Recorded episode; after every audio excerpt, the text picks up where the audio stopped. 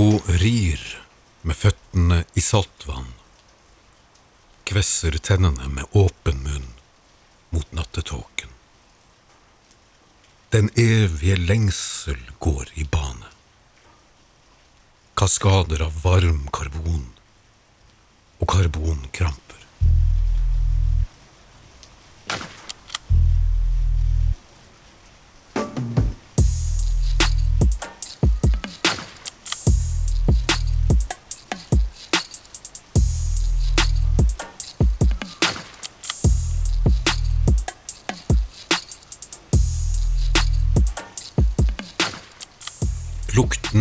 Mild såpe ligger i luftkorridoren etter henne når hun går.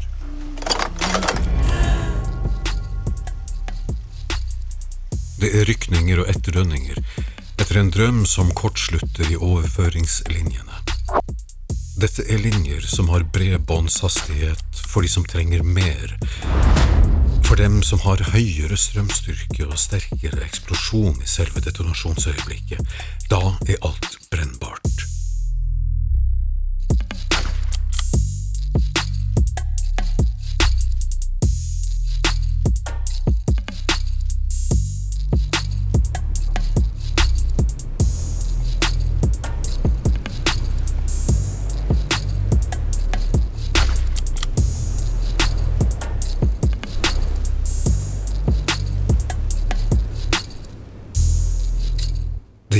Ikke at det er fuktig.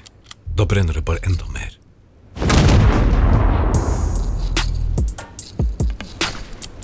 De første sekundene er en pyroklastisk strøm som eksploderer langs hårfestet og brer seg som strittende gåsehud. Håret som reiser seg i løpet av mikrosekunder og blir stående gjennom hele detonasjonen. Når du ser rett inn i det brønnsvarte i øynene, da kjenner du verdensrommets dybde. Som er uendelig i minst fire dimensjoner, uten punktum, og det er ingen andre måter å si det på. Du går inn i en våt blindsone. Tiden det tar, er den femte, eller kanskje den sjette, dimensjonen. På et gitt tidspunkt stopper tiden.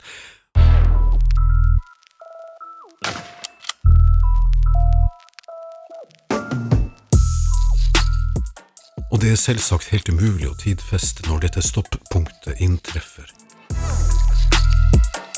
Nettopp fordi det på dette stadiet ikke eksisterer tid eller tidsreferanse. Det er det samme som skjer inne i et lyn når lynet eksploderer.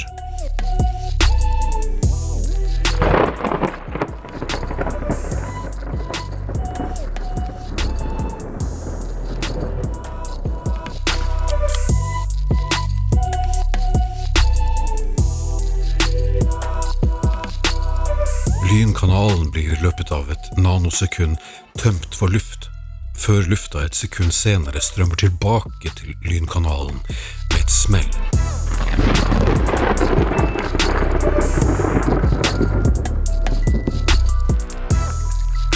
Og det er dette som er lyden av torden. Når tiden plutselig strømmer tilbake og begynner å gå igjen, har det allerede begynt. Knekkpunktet er passert, og det er for seint å snu.